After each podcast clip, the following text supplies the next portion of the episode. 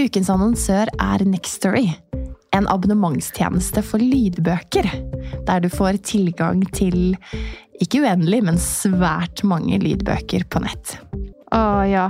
Et helt univers, rett og slett. For meg har det passet perfekt nå i vinterferien. For da har jeg hatt ekstra tid eh, til å gå lange turer og lytte til bøker. Og så har jo vi en date i kveld, eh, Ingvild. Eh, vi skal på teater og se Anna Karenina. Så da bestemte jeg meg for å bruke Next Story for å lese gjennom den på nytt. Og det er bare helt fantastisk roman fra 1870-tallets Russland som jeg anbefaler alle å utforske, fordi den er like aktuell nå i 2024 som eh, den gang den ble skrevet. Men det er jo så fint, da, ikke sant? Og uavhengig av om eh, man har vinterferie eller mer tid til overs, så har man også disse små lommene i hverdagen. Du kan ha boken på øret, og du kan brette tøy, eller du kan sette på en klesvask, en oppvask, whatever og dykke inn i dette universet. Og det er jo det som er så fint. I, eh, I, tillegg, da, når uh, disse små Dine kommer med den samme boken for 15. gang, Ingvild, og spør ja. mamma kan du lese denne, så er selvfølgelig det veldig hyggelig, men det kan også være eh, vel så hyggelig å, å få eh, boken servert fra noen andre, så kan man lytte sammen. Eh, vi har hørt mye på Albert Aabergs lydbøkene i Nextory, for det er et univers som både min femåring og min toåring elsker. Ah, det er fantastisk. Man kan finne så mye flotte verdener og opplevelser i gode bøker. Og du som lytter til oss, kan nå få seks uker med fri tilgang til Next Story hvis du går inn på linken nextory.no engler. Så gå inn der. Bli med oss eh, og utforske bokuniverset, og så håper jeg at du har like stor glede av det som vi har.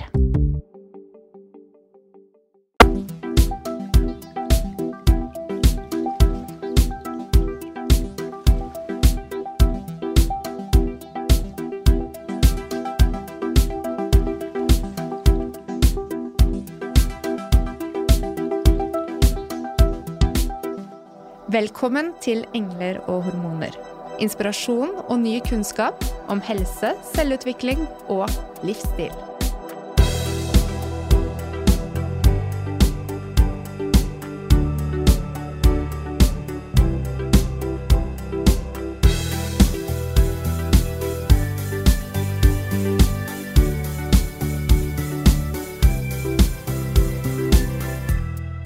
Du har sikkert et visst oversiktsbilde over hormonene. Du vet det er noen kjønnshormoner som er ulike for biologisk fødte kvinner og menn.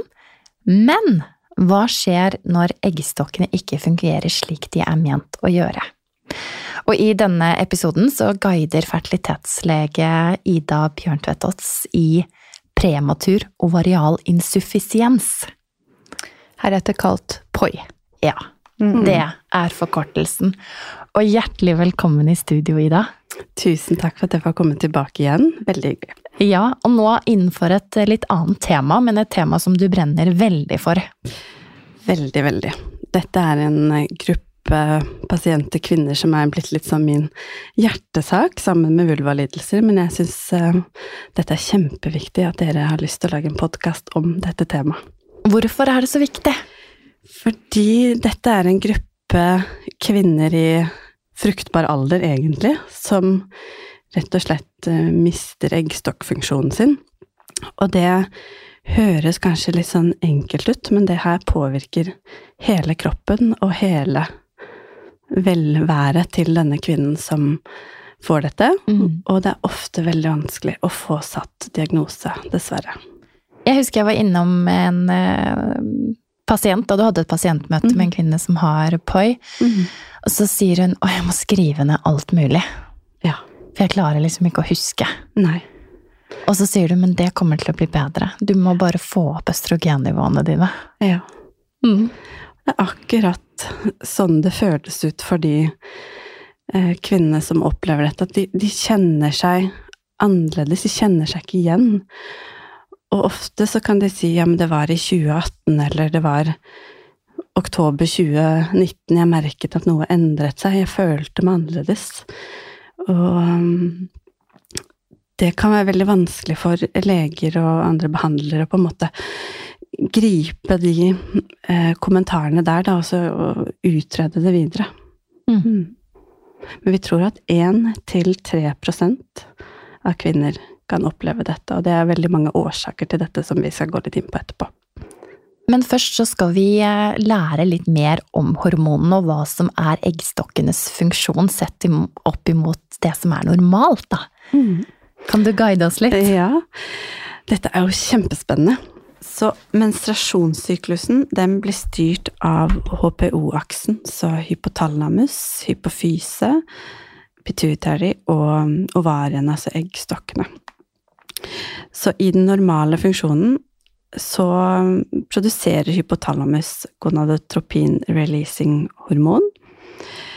Um, og den forteller igjen hypofysen at nå skal du produsere FSH og LH. Og GNRH den mottar sine instrukser fra andre molekyler som produseres i nerveceller i hjernen, som kispeptin og nevrokinin B3. Dette er jo veldig komplekst.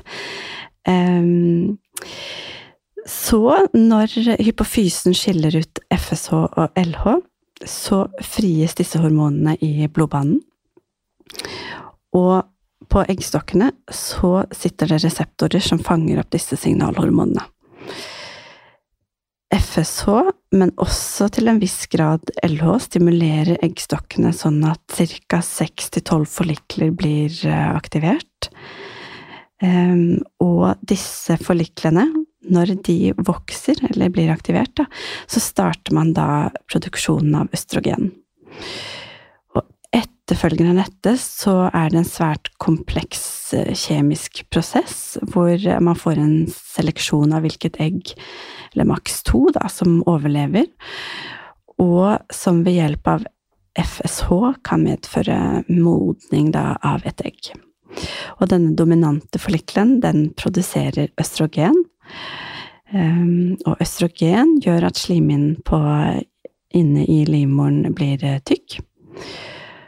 Og når østrogenkonsentrasjonen stiger, så responderer hypofysen gjennom et sånt eh, feedback-system på økt konsentrasjon av østrogen i blodet, og LH frigis. Så LH trigger eh, ovulasjon, men den støtter også produksjonen av corpus luteum, eller gullegeme, som blir produsert av restene av det tomme eggeanlegget. Og dette gullegemet det frigjør progestron, som gjør da slimhinnen klar for en graviditet. Så jeg liker å kalle det for um, livmorens lim, da, for å forklare det litt sånn enkelt. Så um, det er veldig komplekst, men vi må heller ikke glemme det tredje veldig viktige hormonet, testosteron, som også produseres når det nærmer seg eggløsning, og det er jo for at kvinnen faktisk skal få litt økt seksuallyst under eggløsningen, eh, og da synliggjør at kvinnen vil ha sex med sin partner, og da sannsynligheten for at dette egget blir befruktet i riktig tidsrom, da rett og slett sånn at man kan bli gravid. Og en normal syklus den varierer mellom 35 og 21 dager. En liten fun fact er at kvinner, de fleste kvinner de overlever 300-400 ganger i løpet av livet. Så når eggstokken svikter, mm. eh, hva skjer da? Da ser vi at hjernen, eller hypofysen, skiller ut FS og LH i store eh, konsentrasjoner. For den prøver på en måte å si hei, nå må du Hvor blir det av østrogenen, ikke sant? Mm. Eh, men eh, eller eh, ovariene svarer jo ikke. Mm. Så man mangler jo østrogen. Og det høres ut som ja, da blir det ikke noe barn, at man tenker det, men det skjer så veldig mye mer enn det også. Så østrogenreseptorer, det har vi kvinner overalt i kroppen. Tallerikt i hjernen, i hjertet, i blodkar, tarmene våre, i huden, i håret, i øynene, skjelettet, blæra, skjeden. Så hvis man mangler østrogen, så får man jo symptomer fra alle disse systemene. Mm. Mm. Og det gjør jo mye helseplager. Så POI er ikke det samme som å si at man kommer i en for tidlig overgangsalder, selv om det var det man kalte det tidligere? Stemmer. Så um, POI er jo en eggstokksvikt. Uh, men en tidlig overgangsalder, det er en permanent fase hvor man rett og slett ikke har flere egganlegg igjen. Og man kan ikke reversere dette. Men hos POI så ser vi at uh, det kan forekomme spontan ovulasjon, så det kan være flere egg rekruttert, men vi vet bare ikke når disse eventuelt kommer. Men POI kan gi tidlig overgangsalder, men per definisjon så er tidlig overgangsalder kvinner som har gått i overgangsalderen, altså ikke hatt menstruasjon på tolv måneder. Og har forhøyde eh, verdier på blodprøvene sine. Um, og det er ingen flere egganlegg igjen, og det er mellom 45 og 40 år. Så POI er kvinner under 40 år. Og bare for å fullføre den definisjonen, så har de da FSH målt med eller to ganger med fire ukers mellomrom over eh, 25 i verdi, og amenoré i fire måneder. Ikke menstruasjoner mm. fire, på fire måneder. Ja. Det er veldig mm. spennende. Ja, det er kjempespennende, og en viktig gruppe å oppdage, som du sier. Men la oss komme litt inn på de ulike årsakene til at noen får POI, da. Mm. At eggstokkfunksjonen svikter. Mm. For noen så er det jo en genetisk årsak. Eh, det er typisk de kvinnene vi finner i tidlig 20-årene eller før de er blitt 20, typisk X-bundet. Ehm, det er en rekke genetiske tilstander som kan gi dette, men de vi kanskje hører mest om, er Turner og fragilt X, og det er de vi tester for. Så vi tester kariotype, vi ser på X-kromosomet. Turner, da har man eh, for eksempel 45X. Ehm, noen kan også ha mosaikk. Turner og de kan faktisk en periode ha bevart fertilitet. For da har de på eh, litt 46X, men noen celler har 45X. Mm. Så det er komplisert. Det er derfor jeg samarbeider med genetikere også.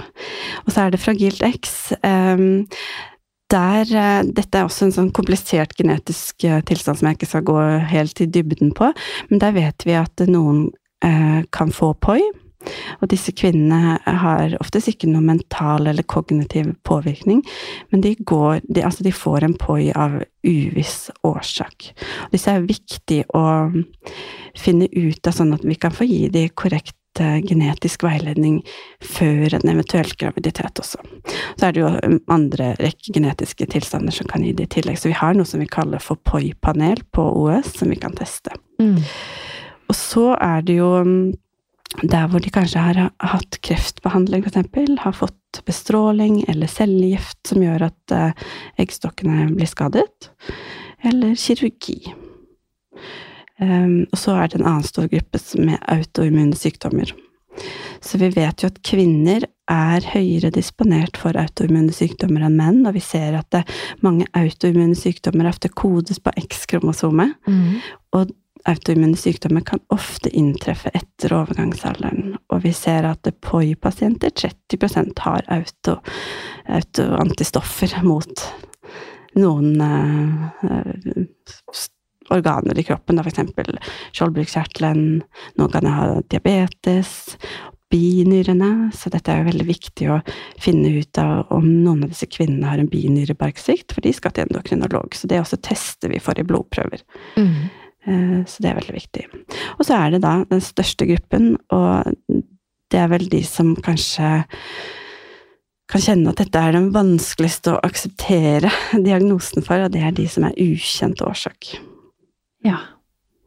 Så er det også infeksjoner, men det er veldig sjelden, da. Men, men den gruppen Vi vet ikke hvorfor dette inntraff akkurat deg, det er den største. Her kan vi ofte se at familiemedlemmer også har hatt enten en tidlig overgangsalder eller eggstokksvikt eh, tidligere, så kanskje 30% kan ha en familieanamnese på dette, men vi vet ikke helt hvorfor. Mm. Så da kommer vi jo litt inn på de diagnostiske verktøyene, hvor du nevner da sykehistorie eller anamnese og med familiær uh, Ja. Um, og så nevner du dette med blodprøver. er det noe mer man gjør liksom, for å diagnostisere? Sånn? Det er um, selvfølgelig å høre på klinikken aller først, det gjelder jo for alle, anamnesen. Men her er blodprøver og ultralyd veldig viktig. Og det holder jo ofte ikke bare med ett sett blodprøver, vi tar jo da, som jeg nevnte innledningsvis, flere. Og vi går på andre funksjoner i kroppen og ser om det er påvirkning her, er det noe sammenheng her. Og ultralyd, så ser vi rett og slett om det er flere eggposer mm. igjen, da. Mm. Så for eksempel, la oss si at uh, en kvinne da har symptomer på litt sånn overgangsalder-symptomer. Tørrhet i øynene, tørrhet vaginalt, uh, kanskje leddsmerter eller ja, mm. hjernetåke. Mm. Så er dette alle symptomer som kan Mm. Det kan faktisk, eh, det som er litt av utfordringen, er at veldig mange kvinner i dag bruker kombinasjons-p-piller. Mm. Og da er det jo en viss østrogenmengde i disse p-pillene, så for mange har nok eh, vent seg til å gå med litt symptomer uten å tenke at det er noe besværlig for dem, og så kompensere på en måte p-pillen for dem. Så det jeg vil si at vi kanskje oftest finner ut av det hvis det ikke er en genetisk eller en kirurgisk eller medisinsk årsak som vi på en måte vet at her kan det gi poi, det er de som er i fertilitetsbehandling. Så de har forsøkt å bli gravide med partneren sin, kanskje de ikke har fått menstruasjonen tilbake når de sluttet på p-pillen tenker nå må vi ta en ekstra sjekk fordi vi ønsker å få barn. Og så finner man ut dette her i en allerede sårbar fase, som det er når man forsøker å bli mamma og pappa, og så hører at det her ser vi at det blir vanskelig for dere på den tradisjonelle måten, da. Mm. Mm. Det er jo um, eh, en viktig gruppe da kanskje å oppdage i klinikk, men er det mange som, som går uh, lenge feildiagnostisert, eller uh, typisk uh, ja, ikke får hjelp med å finne ut hva plagene er? Det vil jeg si absolutt ja mm. til. Um, jeg tror man eh, er litt prisgitt at man finner de behandlerne som tenker denne tanken. Mm. Eh, som sagt så finner jo de fleste dette ut kanskje hos gynekologen sin når de skal utredes med tanke på barneønske. Eh, men jeg vil jo si den poliklinikken jeg har både privat og offentlig på Oslo universitetssykehus, da har de fleste vært hos mange behandlere før de kommer til, til meg, da. Mm. Så jeg tror, vi, jeg tror, det er liksom lett å tenke nei, men du er jo i din reproduktive alder, dette Vi skal ikke begynne å teste hormoner på deg. Ikke sant? Mm. Mm. Mm. Uh, og så, når det da kan være ulike årsaker, så er det også kanskje uh, i noen tilfeller viktig å finne ut av det tidlig? Absolutt. Ja. Og vi skal jo behandle kvinner med POI med HRT, altså hormonbehandling. Fordi vi skal eh, bevare helsen deres også i fremtiden. Så ved å gi østrogen og mm, progesteron, da, eh, noen skal også ha testosteron, så beskytter vi de jo mot alvorlige helseplager senere i livet. Da er spesielt østrogenkomponenten. Vi beskytter hjernen, vi beskytter hjertet, kar, skjelett så de ikke får osteoporose, benskjørhet. Det er jo veldig alvorlig for de som får det. Mm. Um, og det er veldig viktig å si, disse kvinnene som får denne type behandling i ung alder, har ikke høyere risiko for brystkreft. Så det er veldig viktig å ettertrykkelig si tydelig. De skal ha hormonbehandling til naturlig menopausetidspunkt, for å si det sånn, på blå resept, mm. til de er 52 år. Mm. Du sa i sted at noen fikk av og til eggløsning. Mm. Eh, så, så hvordan, hvordan, kan det da skje hvis man ikke produserer østrogen? Mm. Og kan det bli gravide spontant? Ja, og det er det som skiller POI fra tidlig overgangsalder. At det, mm. det kan fortsatt være programmert noen eh, forlikler der, ikke sant. Mm. Eh, så vi vet bare ikke når det skjer. Det blir helt umulig å predikere det for, for pasienten, men vi ser at det er høyest sannsynlighet for en spontan graviditet, og her snakker vi dessverre ikke høyere prosent enn 5-10 altså, Mm. som har fått diagnosen. Det kan skje tett til diagnosetidspunktet, helst i yngre alder. Um, Hva betyr det? det er vel et godt spørsmål, men det er 20-årene. Mm. Um, hvis du nærmer deg 40, så tenker jeg at dessverre at det blir en veldig lav prosent sannsynlighet for at eh, du blir en av de heldige som kanskje får en spontan ovulasjon. Men alt kan skje i medisin, så man skal ikke sette to streker under svaret. Men vi ser at det er da sånn at når du da får hormonbehandling, eh, så må du bli informert om at det er 5-10 sannsynlighet for at du kan få en spontan ovulasjon. Så hvis du overhodet ikke har graviditetsønske, da må du faktisk også få prevensjon. Mm. Så da sette inn en Mirena-spiral, for eksempel, da, og gi eh, Estradot eller Mm. Benzetto. Og jeg er veldig for transdermal østrogenbehandling, for det, det er viktig for kvinnen å, å få ned bivirkningene som alt av medisiner dessverre kan gi, og det, det vet vi at hvis vi unngår den første passasjeeffekten som lever har, da, så har vi mindre risiko for blodpropp, eksempel. Så da er det typisk spray eller plaster eh, Ja. som man bruker? Mm, ja. Mm. Uh, og da kan vi titrere oss opp til den dosen som kvinnen har det best på. Um, og vi er jo forskjellige, så det er også individuelt hvilke doseringer man trenger. Og jeg syns det er viktig å kunne tilby oppfølging på det. Hvordan har du det nå egentlig etter tre måneder, Mm. eller seks måneder? Har du det bedre? Hvordan er det med symptomene dine? Har vi fått ned hetetoktene? Har du mindre hjernetåke? Klarer du deg greit i jobb? Eh, hvordan har du det sånn psykisk etter diagnosen? Så her tenker jeg det er kjempeviktig at man finner den behandleren som kan følge en litt opp da, i etterkant. Ikke sant? Og at det er en individuell behandlingsplan for den enkelte kvinne? Ja, ja, vi er jo ikke like. Mm. Og man trenger veiledning i, i forhold til så mangt, ikke sant. Altså dette med kosthold og søvn og stress og um, Ja, om hvordan man har, har det psykisk etter en sånn veldig tung diagnose. Det syns jeg er viktig at vi holder fast i, og følger pasientene våre med. Vet du om det finnes noen støttegrupper eller sånn hvor man kan samtale med andre kvinner som har eh, samme Det håper jeg noen eh, går i bresjen for å ordne, for det er det veldig behov for. mm. Denne gruppen pasienter ble jo ikke nevnt i denne NOU-rapporten, eksempel, som nylig kom, så jeg tenker at her håper jeg at noen som kjenner litt guts i forhold til det, kan danne en pasientorganisasjon som gjør at man kan møte flere i samme situasjon. Det er så bra. Mm. Det trenger vi. Jeg vil se for meg at man kan føle seg fryktelig alene i denne situasjonen. Og det er veldig tungt, ikke sant, hvis man, man kjenner på det, og, og alle de tankene rundt. Så det å prøve å finne andre som kanskje har, opplever det samme, det er veldig viktig. Mm. Men kan vi komme litt inn på hvilke tilstander POI kan føre til dersom det er udiagnostisert og ubehandlet? Mm. Em, noen kan jo rett og slett få osteoporose, ikke sant, altså benskjørhet, fordi at man har for lite eksponering av østrogen eh, for skjelettet. Mm. Så det er kjempeviktig. Um, man har i store studier nå internasjonalt sett at dette også kan gi en høyere risiko for tidlig demens. Uh, hjerteinfarkt. Så kvinner som um, har for lite østrogen overfor, uh, over mange år, de kan dessverre ha høyere risiko for eh, hjerteinfarkt. Mm. Og det er veldig alvorlig.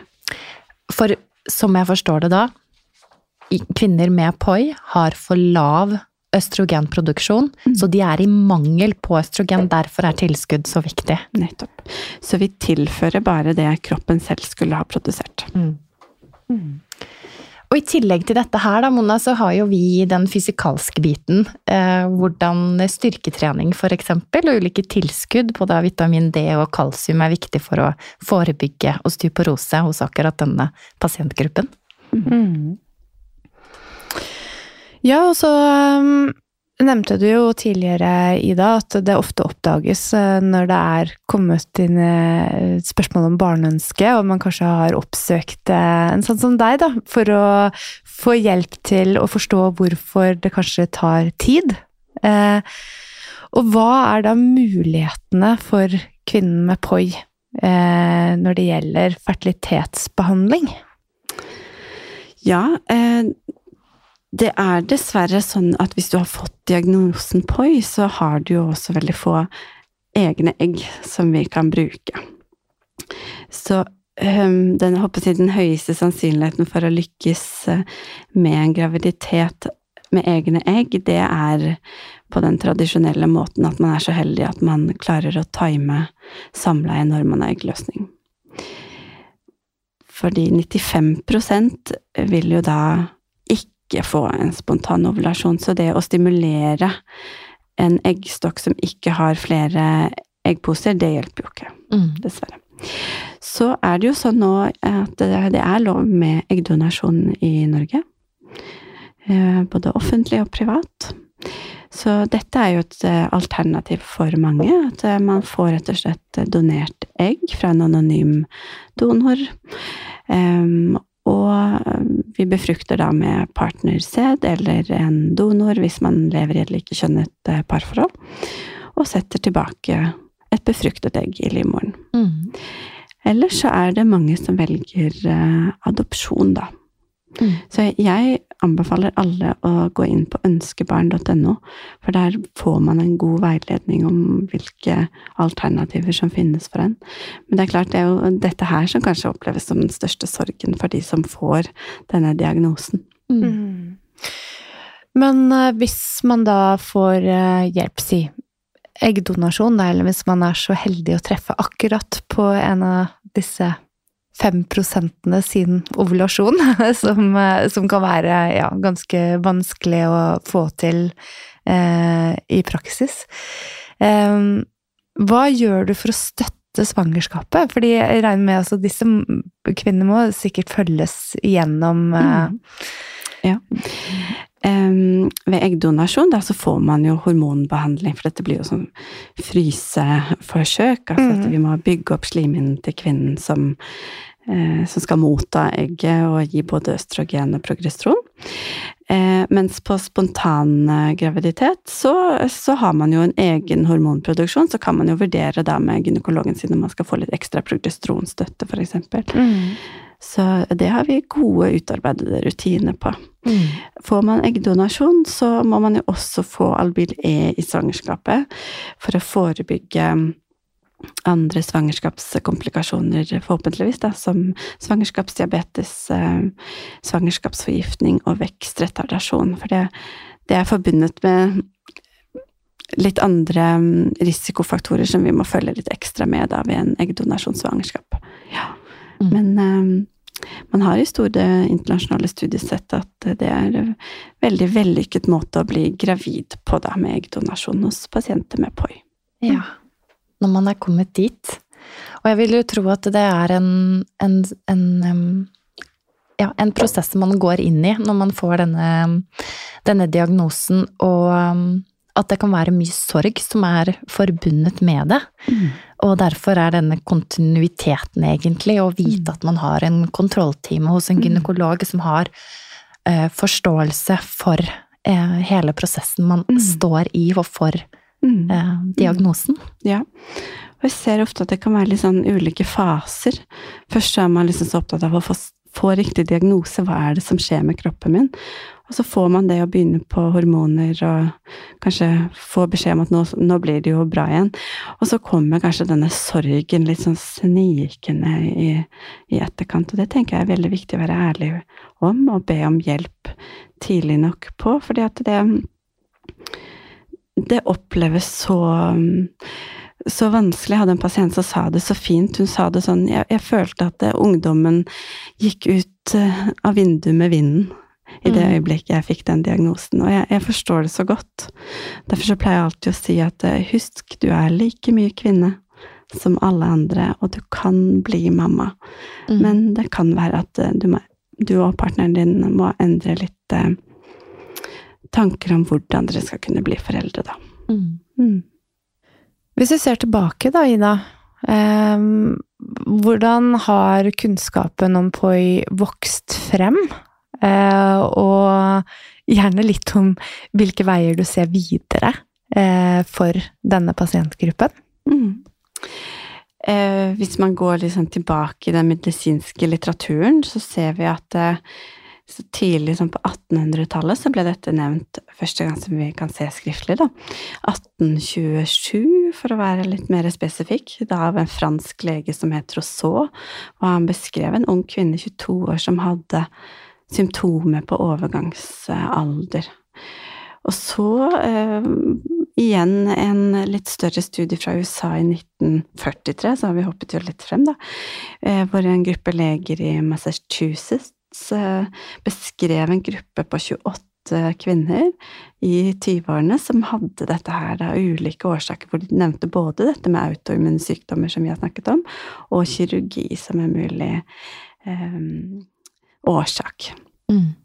Og så har vi jo vært gjennom en periode etter WHI-studien Women Health eh, Initiative, hvor um, rett og slett kvinner nesten i hele verden har vært frarøvet hormonene sine en periode, for man fikk jo nesten en følelse av at alle kvinner fikk brystkreft eh, ved å få østrogen. Det har man heldigvis endret på nå, og de samme forskerne har vel egentlig begynt å gå tilbake på studien sin og si at ja, vi, vi har lest denne studien feil. Så det har vært en periode hvor hvor det ikke har vært så mye hormonbehandling, og ikke vært så mye fokus på det. Men eh, nå, de senere årene, veldig mye mer snakk om på kongresser, og, både Storbritannia og USA og Australia er ganske fremme på hormonforskning, og også forskning på POI, da spesielt i Storbritannia. Der er det masse spennende studier som pågår. Mm. Så det blir spennende å se.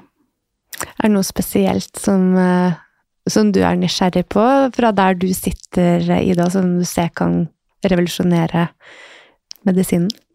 Ja, det som jeg ser blir litt spennende å følge, det med tanke på fertilitetsbehandling, da, det er PRP-behandling, hvor man rett og slett gir vekst vekst, growth factors og cytokiner, jeg vet ikke om jeg skal få oversatt det sånn det er veldig enkelt, i eget blod, og da på en måte få tilbake funksjonen. Så det er veldig spennende. Og så har det vært en studie hvor man rett og slett hos en gruppe med kvinner, 20 kvinner, som har fått diagnosen POI, eh, har tatt ut disse primoidale forliklene av eggstokken kirurgisk, aktivert de in vitro, og satt de tilbake nær eggleder, og fått tre graviditeter av 20, hvor to har fått live birth. Det er jo helt Mm. utrolig. Men um, dette er jo studier som man ikke kan sette, sette til liv helt enda. Det må jo heldigvis ganske mye forsikringer først om at dette er trygt, uh, Mm. før man kan begynne med det. Så så det er hopes uh, i horizon fremover også. Men, uh, så det blir spennende å følge. Mm. Noe med å gjøre forskningen, da. Men for kvinner, la oss si i eh, midten av 20-årene, som etter hvert ser for seg at man eh, ønsker å stifte familie, og så har man en mor eller en bestemor som man vet at har eh, kommet i tidlig overgangsalder eller har hatt poi, da. Hva vil eh, ditt råd være til dem? Tenk på dette tidlig nok. Um, her vil det jo kunne være mulig med eggfrys hvis eh, man har eh, hormonverdier som tillater det. Så um, hvis man er engstelig, så ville jeg oppsøkt eh, gynekolog eller en fertilitetslege og fått tatt blodprøve på riktig tidspunkt, gjort en ultralydundersøkelse og sammen funnet ut av om det kan være en aktuell behandling for deg. Mm. Har man POI, så kan man ikke eh, fryse egg, for da finner vi jo ikke egg å fryse. Mm. Så det er viktig å gjøre det før diagnosen inntreffer, men det er det som er vanskelig. Vi har dessverre i dag ikke noe screening-blodprøve som sier eh, at du får POI, og du får POI om tre år. Mm.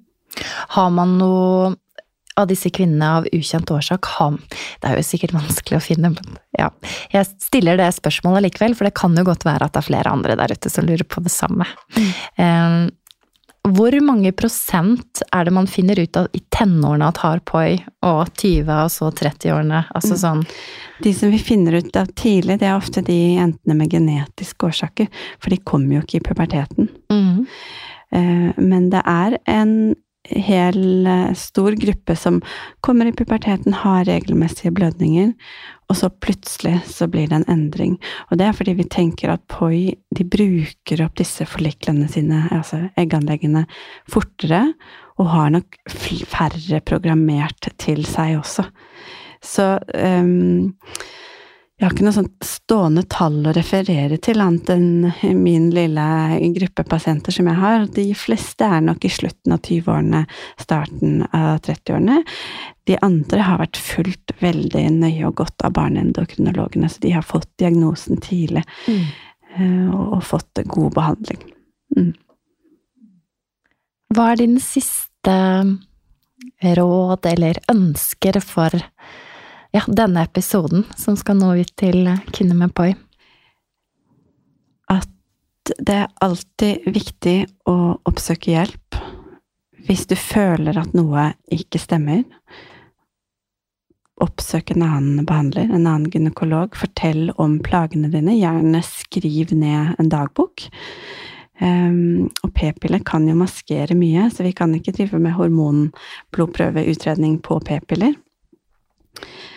Og husk at hvis du får denne diagnosen, som jeg sa i sted, du er like mye kvinne som alle andre, og du kan bli mamma hvis du ønsker det.